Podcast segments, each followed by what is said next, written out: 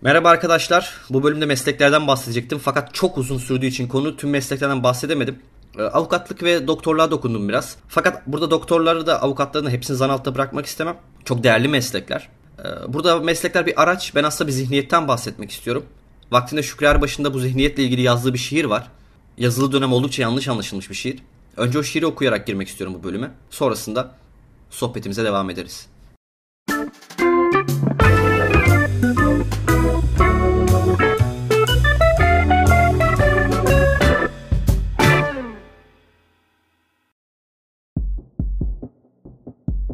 Köylülerin için öldürmeliyiz. Çünkü onlar ağır kanlı adamlardır. Değişen bir dünyaya karşı kerpiç duvarları gibi katı, çakır dikenleri gibi susuz, kayıtsızca direnerek yaşarlar. Aptal, kaba ve kurnazdırlar. İnanarak ve kolayca yalan söylerler. Paraları olsa da yoksul görünmek gibi hünerleri vardır. Her şeyi hafife alır ve herkese söverler. Yağmuru, rüzgarı ve güneşi.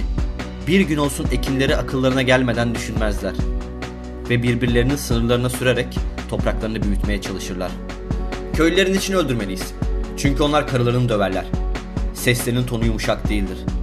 Dışarıda ezildikçe içeride zulüm kesirirler. Gazete okumaz ve haksızlığa ancak kendileri uğrarlarsa karşı çıkarlar. Karşılığı olmadan kimseye yardım etmezler. Adım başı pınar olsa da köylerinde temiz giyinmez ve her zaman bir karış sakalla gezerler. Çocuklarını iyi yetiştirmezler Evlerinde kitap, müzik ve resim yoktur. Bir gün olsun dişlerini fırçalamaz ve şapkalarını ancak yatarken çıkarırlar. Köylülerin için öldürmeliyiz. Çünkü onlar yanlış partilere oy verirler. Kendilerinden olanlarla alay edip tuhaf bir şekilde başkalarına inanırlar. Devlet, tabu dairesi, banka borcu ve hastanedir. Devletten korkar ve en çok ona hile yaparlar. Yiğittirler askerde subay dövecek kadar. Ama bir memur karşısında bu da tuhaftır. Ezi mezi mezilirler. Enflasyon denince buğday ve gübre fiyatlarını bilirler. 11 ay gökyüzünden bereket beklerler. Dindardırlar ahiret korkusu içinde ama bir kadının topuklarından memelerini görecek kadar bıçkındırlar. Harmanı kaldırdıktan sonra yılda bir kez şehre giderler. Köylülerin için öldürmeliyiz. Çünkü onlar köpekleri boğuşunca kavga ederler. Birbirlerinin evlerine ancak ölümlerde ve düğünlerde giderler. Şarkı söylemekten ve kederlenmekten utanırlar. Gülmek ayıp, eğlenmek zayıflıktır. Ancak rakı içtiklerinde duygulanır ve ağlarlar. Binlerce yılın kabuğu altında yürekleri bir gaz lambası kadar kalmıştır. Aldanmak korkusu içinde sürekli birbirlerini aldatırlar. Bir yere birlikte gitmeleri gerekirse karılarından en az 10 adım önde yürürler. Ve bir erkeklik işareti olarak onları herkesin ortasında azarlarlar. Köylülerin için öldürmeliyiz. Çünkü onlar otobüslerde ayaklarını çıkarırlar. Ayak ve ağız kokular içinde kurulup koltuklara herkesi bunalta bunalta yüksek perdeden kızlarının talihsizliğini ve hayırsız oğullarını anlatırlar. Yoksulluktan kıvrandıkları halde şükür içinde bunun Tanrı'nın bir lütfu olduğunu inanırlar. Ve önemsiz bir şeyden söz eder gibi her fırsatta gizli bir övünçle uzak şehirdeki zengin akrabalarından söz ederler.'' Kibardırlar lokantada yemek yemeyi bilecek kadar ama sokağa çıkar çıkmaz hünkür hünküre yollara tükürürler ve sonra şaşarak temizliğine ve düzenine şehirde yaşamanın iyiliğinden konuşurlar. Köylüleri neden öldürmeliyiz? Çünkü onlar ilk akşamdan uyurlar. Yarı gecelerde yıldızlara bakarak başka dünyaları düşünmek gibi tutukları yoktur. Gökyüzünü baharda yağmur yağarsa ve yaz güneşlerini ekinlerini yetiştirirse severler. Hayal güçleri kıttır ve yeniliğe bu verimi yüksek bir tohum bile olsa sonuçlarını görmeden inanmazlar. Dünyanın gelişimine katkıları yoktur mülk düşkünüdürler amansız derecede. Bir ülkenin geleceği küçücük toprakların ipoteği altındadır ve bir kaya parçası gibi dururlar su geçirmeden zamanın derin ırmaklarının önünde. Köylüleri söyleyin nasıl, nasıl kurtaralım?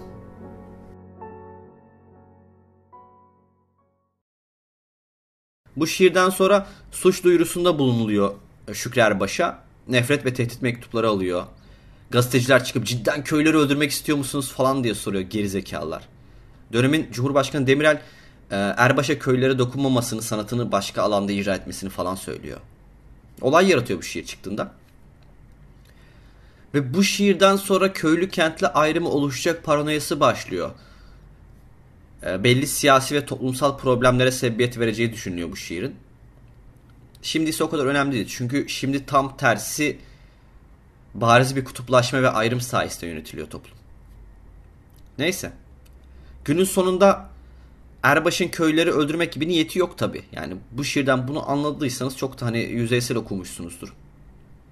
Şiir çok güzel betimliyor taşra zihniyetini. Yani, yani özünde taşra zihniyetinden bahsediyor köylüler derken. Çünkü çünkü diye sebepleri sayarken köylü olarak nitelendirdiği insanların özellikleri sadece köyde yaşayanlarla ilgili değil. Bu şiirde geçen zihniyetin özellikleri sadece köylülerle ilgili değil. Yani şehirde yaşayan hatta lüks içinde yaşayan birçok insan bu şekilde davranıyor. Bu zihniyetle hareket ediyor günümüzde. Yani kısacası ta- taşra zihniyetiyle yönetildiğimiz için bunun şehirlisi köylüsü de yok artık yani. Olay kafa yapısındaki problem. Bundan bahsediyor. Yeniliğe kapalı, para ve güç dışında manevi değerleri bulunmayan, sanat, bilim, felsefe gibi sadece insanın icra edebileceği aslında direkt olarak bizi insan yapan şeyleri önemsemeyen, e, nasıl diyeyim kişisel çıkarlarını, kişisel çıkarları için yaşadığı topluma zarar veren ve bunu da büyük bir riyakarlıkla yapan zihniyetten bahsediyor Erbaş burada. E sosyokültürel olarak da yine eğitim seviyesiyle alakalı e, ya bu zihniyetin büyük bir çoğunluğu köylerde bulunuyor. Eğitim ulaşmaması sebebiyle vaktinde. İzole yaşayan toplum hızla yozlaşıyor. İnsanlar şehirlerden, ülkesinden izole yaşadığında ister istemez yozlaşıyor oradaki kültür. Genelin eğitim seviyesine yaklaşamıyor. Ya internet bu izolasyonu bir çıt kırmış olabilir tabi de o ayrı bir konu günümüzle ilgili. Neyse tüm bu tüm bu yozlaşmışlık yok edilecekse de köylerden yani en tabandan başlanılmalı eğitilmeye. Bu sebeple köylüleri neden öldürmeliyiz diyor. Söyleyin onları nasıl nasıl kurtaralım derken gerçekten de kurtarmanın imkanı yok bu zihniyeti. Çünkü bu zihniyetin günümüz dünyasında yeri yok. Buraya ait değil. Bu zihniyeti e, kurtarabilmen için bu zihniyeti günümüzde bir yere konumlandırman gerekiyor. Fakat bu zihniyet sadece bina falan yapabiliyor. Müteahhitlik yapabiliyor. Yani o da estetikten uzak, maneviyattan uzak dümdüz binalar. Görüyoruz her yerde. Yani buraya ait değil bu zihniyet. Geçmişe ait. Günümüzde yaşayabilecek bir zihniyet değil ki zaten bu zihniyete sahip insanlar da bunun farkındalar. Onları günümüzde gördüğü, duyduğu her şey rahatsız ediyor. Kendileri de biliyorlar bu zamana ait olmadıklarını. Çünkü internet gelip böyle 2000'lerle 90'ların arasına dev bir duvar ördü. Ve evet bundan sonra size yol yok dedi. Neyse. Yani demek istediğim daha geçmişe ait bir zihniyet. İnsanların daha içgüdüsel ve sezgisel seçimlerle yaşadığı, hayatta kalmaya çalıştığı, sadece mutlak mutluluğun parada ve güçte olduğuna inandığı zavallı kompleksli bir kafa yapısı bu aslında. Şükrü Erbaş'ın eleştirdiği şey bu.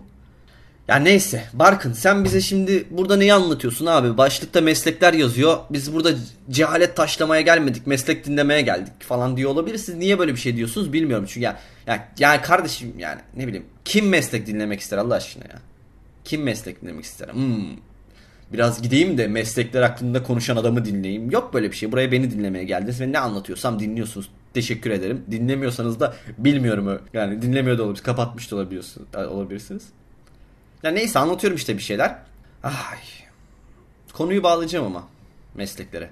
Ve bence çok da güzel bağlayacağım. Bu şiiri okudum çünkü taşra zihniyetinin meslekleriyle başlayacağım. Bu bölüme. Tıp ve hukuk. Doktorluk ve avukatlık. Günümüzün taşra zihniyetinin meslekleri. Ay. Ne kadar e, itibarlı mesleklerdi bundan 20 yıl önce doktorluk ve avukatlık. Şimdi biri hukuk okuyorum dediğinde bir adım uzaklaşıyorsun ister istemez. Bazen düşünüyorum nasıl bu kadar hızlı itibarsızlaşabilir bu meslekler. Ne oldu da bu hale geldi. Üstelik doktor hayat kurtarıyor. Yahu adam insan hayatı kurtarıyor.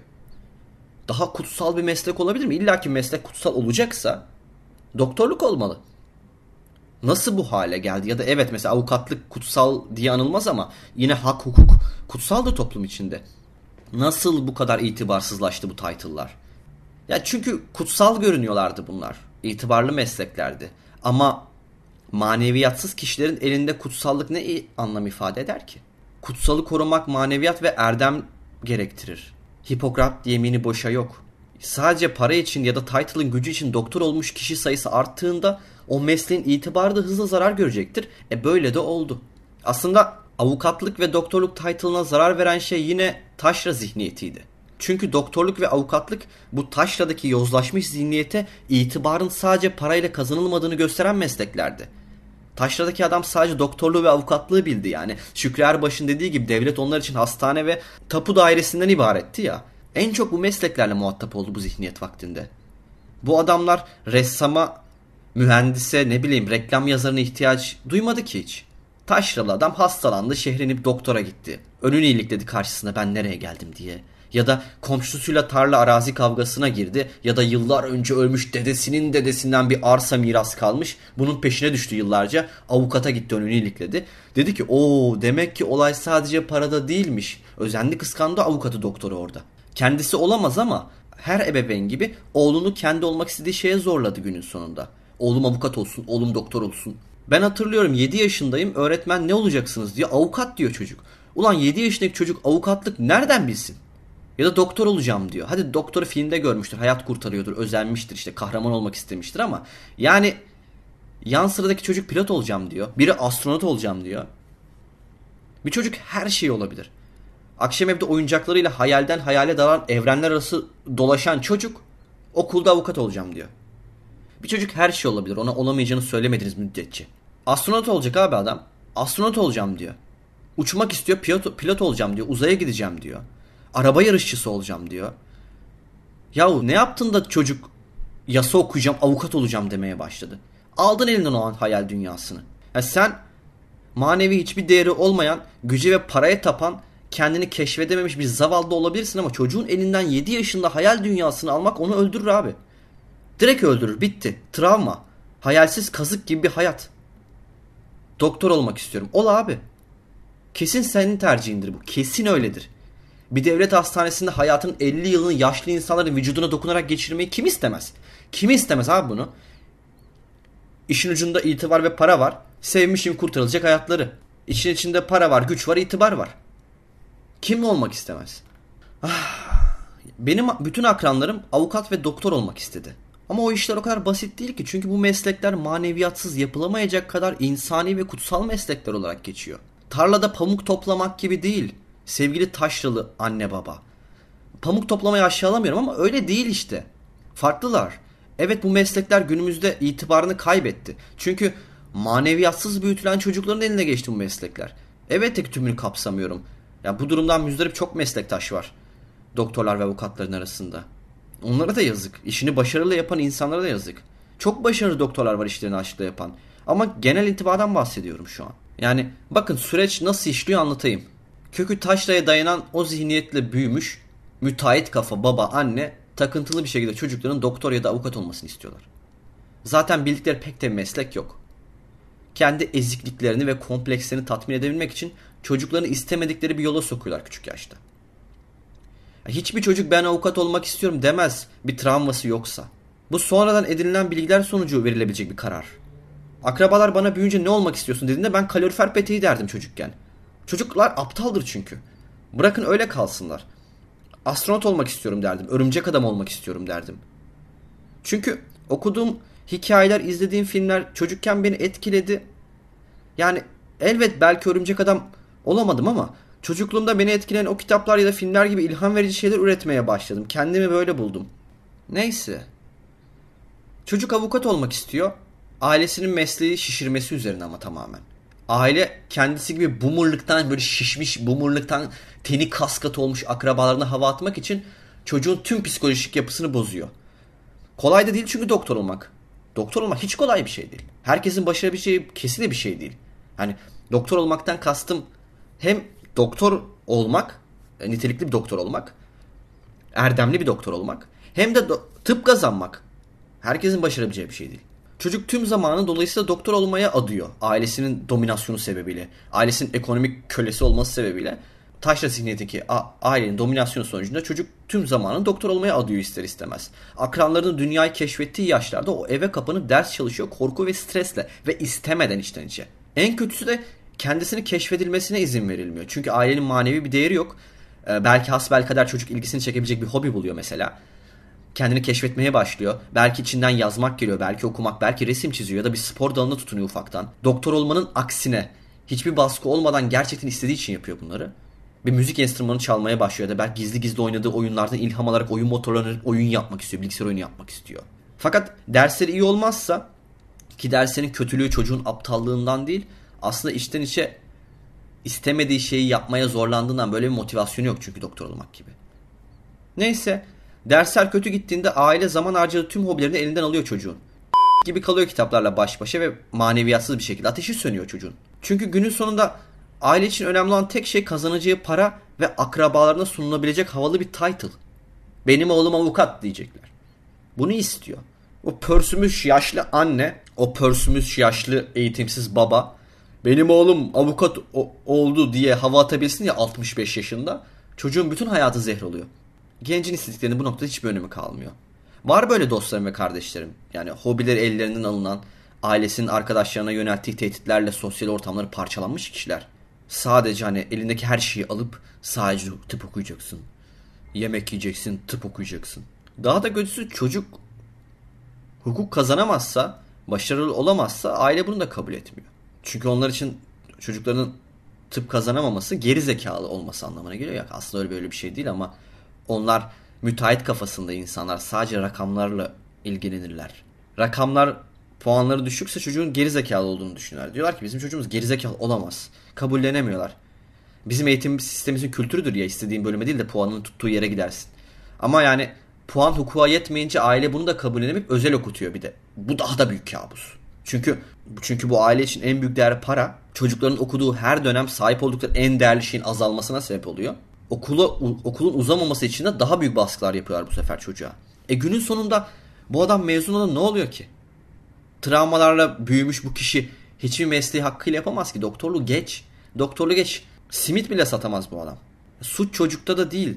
Taşra zihniyetinin kurbanı oluyor bu çocuk. Psikolojik problemler büyüyüp. Tıpkı doktorluk ve avukatlık gibi toplum içinde oldukça değerli meslekler gibi çocuk da taşra zihniyetin kurbanı oluyor. Çocuğun da bir itibarı kalmıyor toplum içinde.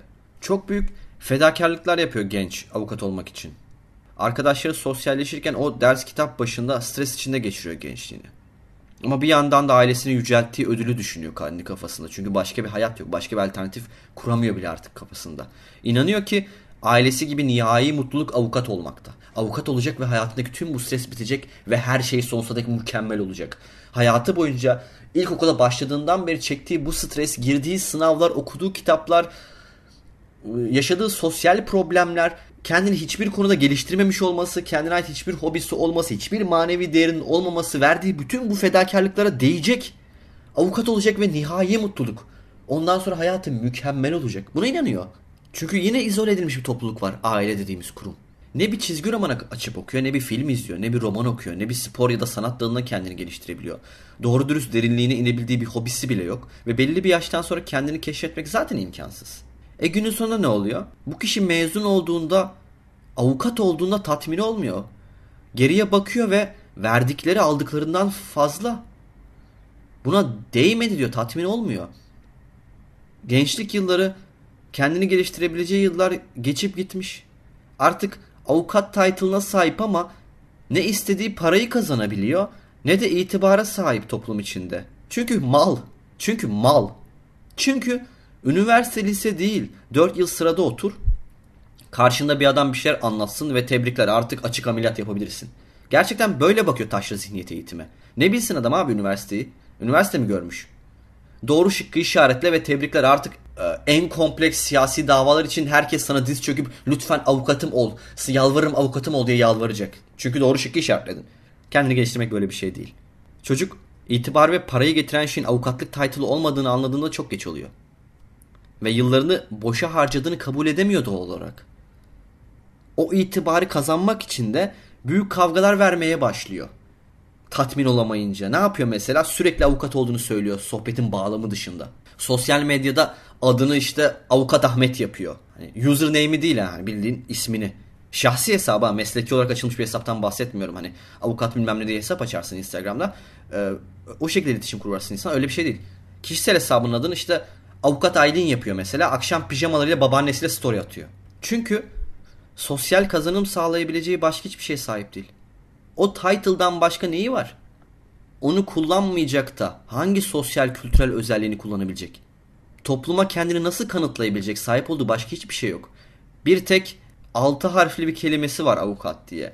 Altı da boş. Altı da boş o kelimenin. Sahip olduğu tek şey altı boş bir title. Fotokopi çekmekten başka bir şey de bilmiyor çünkü. Boş ofis fotosu paylaşıyor sürekli mesela arkadaş. Ailesi hala kabullenebilmiş değil çünkü çocuklarının bir bok olamadığını. Mezun olmuş hani ailesi tatmin olmuş ofis tutmuşlar boş ofis. Masa bir de işte fotokopi makinesi var. Sürekli boş fo- ofis fotoğrafı atıp bağlam dışı hukuk terimleri kullanıyor. Her gün 10 tane story atıyor. Ve her story birbiriyle aynı. Boş bir ofis. Ofisteki masa, ofisin kapısı. Ee, işte adının avukat yazdığı ofisin kapısındaki minik tabela. Ve sürekli bir hukuk terimleriyle ilgili şeyler yazıyor ama bağlam dışı yani. Konuyla alakasız. Anladık kanka avukatsın anladık. Tamam. Doktor var mesela YouTube'da 160 kilo. 160 kiloluk doktor var. YouTube kanalında adı da işte YouTube kanalı da şey bu arada doktor bilmem ne şimdi adını vermeyeyim. Videolarının doktorlukla alakası yok ama o title yazmak zorunda. Çünkü ne yazabilir oraya başka? Ürettiği içerik de şu YouTube'da. Kamera karşısında diğer YouTuber'ların dedikolarını yapıp aşırı yağlı yemekler yiyor. Sürekli kamera karşısında yemek yiyip YouTube dediko YouTuber'ların dedikolarını yapıyor. Sonra bir videosunda diyor ki obezite hastalık değildir diyor videosunda. Abi doktor bilmem ne yazıyor altında kanalın. Doktor bu adam. Obezite hastalık değildir diyor. Obezite hastalık değildir diyor. Hipokrat görse kafana balta fırlatır adi herif. Ya bak ben malım tamam ben salığım. Ben bilmem anlamam ben doktor değilim.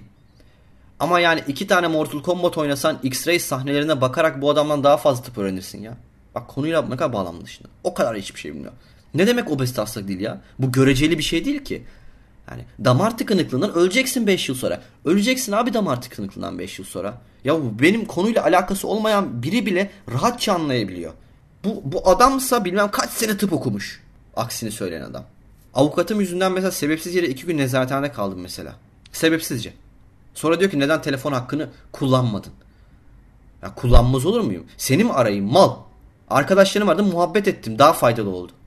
Ya da bir suç var mesela. Çok basic bir suç böyle. İlgili yasa kitabını açsan ilk sayfasındır yani o kadar temel. Hiç kompleks bir dava değil. Kıza soruyorum bilmiyorum diyor. Sonra okudum şöyle böyle diyor.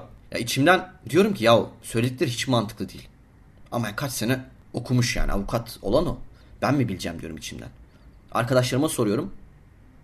Ya diyorlar hiç mantıklı değil öyle olması. Avukatın söylediğini. Şöyle şöyle olması gerekmez mi yasa gereği diyor çocuk. Sadece kafasını o an mantık kuruyor. Yani böyle böyle olursa yasada şöyle bir sıkıntı çıkabilir. Ya boş muhabbet yani çocuğun yaptığı. Ama o boş muhabbetçi adam haklı çıkıyor. Ben haklı çıkıyorum. Ya size burada olayı alsam aklınıza gelebilecek ilk cevap doğru olan bu arada. Düşünmenize bir ama avukat işte bilmiyor çünkü abi fotokopi çekiyor ofiste. Ben gerçekten bıktım ya. Herhangi bir şeye ihtiyacım olduğunda işinde profesyonel birini bulmak çok zor. Herkes title peşinde. Boş bidonlar herkes. Herkes meslek sahibi. Herkes title'lar havada uçuşuyor. Hiç kimse hiçbir konuda bilgili değil ama. Yani bu Türkiye'deki eğitimle de alakalı olabilir. Ama yani müteahhitler yönetiyor ve müteahhitlerin çocuklarının okuduğu mesleklerde bunlar olacak günün sonunda. Yani müteahhit derken kimden bahsediyorum, hangi zihniyetten bahsettiğimi biliyorsunuz. Yani tabii ki bu meslekleri herkes olabilecek. Çünkü onların çocuklarının bu meslekleri olması gerekiyor. Gerçekten hastalandığımda doktora gitmiyorum ben. Güvenmiyorum. E, TikTok çekip birbirine küfür ediyorlar çünkü. Utku vardı mesela arkadaşım. Doktor şimdi. Bak arkadaşlar yemin ederim Utku konuşmayı bilmiyor. Kelime haznesi 10. C1 Türkçesi var. Uga buga. Hayatla ilgili hiçbir tecrübesi yok. Eğitimi yok. Hayatla ilgili tecrübesi olmayan insan empati yeteneği olmayan insan anlamına geliyor. Yani kolay kandırılabilir, muhakeme ve mukayese yeteneği olmayan bir insan. Tanıyorum abi ben bu çocuğu. Ben bu çocukla beraber yedirmişim. Tanıyorum bu çocuğu. Ne bir el becerisi var ne sosyal bir becerisi. Anlama kavrama yetisi yok. Mantık kullanmıyor. Sadece robot gibi ezber yapmış ailesinin baskısıyla. Hastalandığımda o yüzden ilaç almak korkutuyor beni. Çünkü Utku'nun vücuduma bir şeyler sokmasını istemiyorum. Ya ameliyat olmam gerekse ve Utku'nun bu ameliyatı gerçekleştireceğini düşündüğümde aklımda elinde neşter olan fesli bir şempanzenin vücudumun üstünde dans ettiği canlanıyor öyle diyeyim. Yani çok ciddiyim ameliyat olacak olsam deseler ki Utku mu girsin ameliyatına yoksa seçeceğin herhangi doktor olmayan biri mi deseler arkadaşlarımdan birini seçerim ya. Ya yüksek ihtimal ameliyatta ölürüm ama en azından arkadaşım bir iki hafta çalışıp Utku'dan daha iyi iş çıkarır. Hakkıyla ölürüm. Bu ülkede sadece inşaat hakkıyla yapılıyor. Estetiği varsaymadan söylüyorum çünkü estetik kaygı çünkü insan olmakla ilgili bir şey ya biraz daha manevi maneviyata yakın işin estetiği. Estetik olmadan konuşuyorum. Estetiğine bakmadan konuşuyorum. Bu ülkede en iyi inşaat yapılıyor hakkıyla. Çünkü taşra zihniyetinin yapabileceği en iyi şey beton duvarlar dikmek. İşte bu sebeple bu zihniyeti öldürmeliyiz. Barkın out.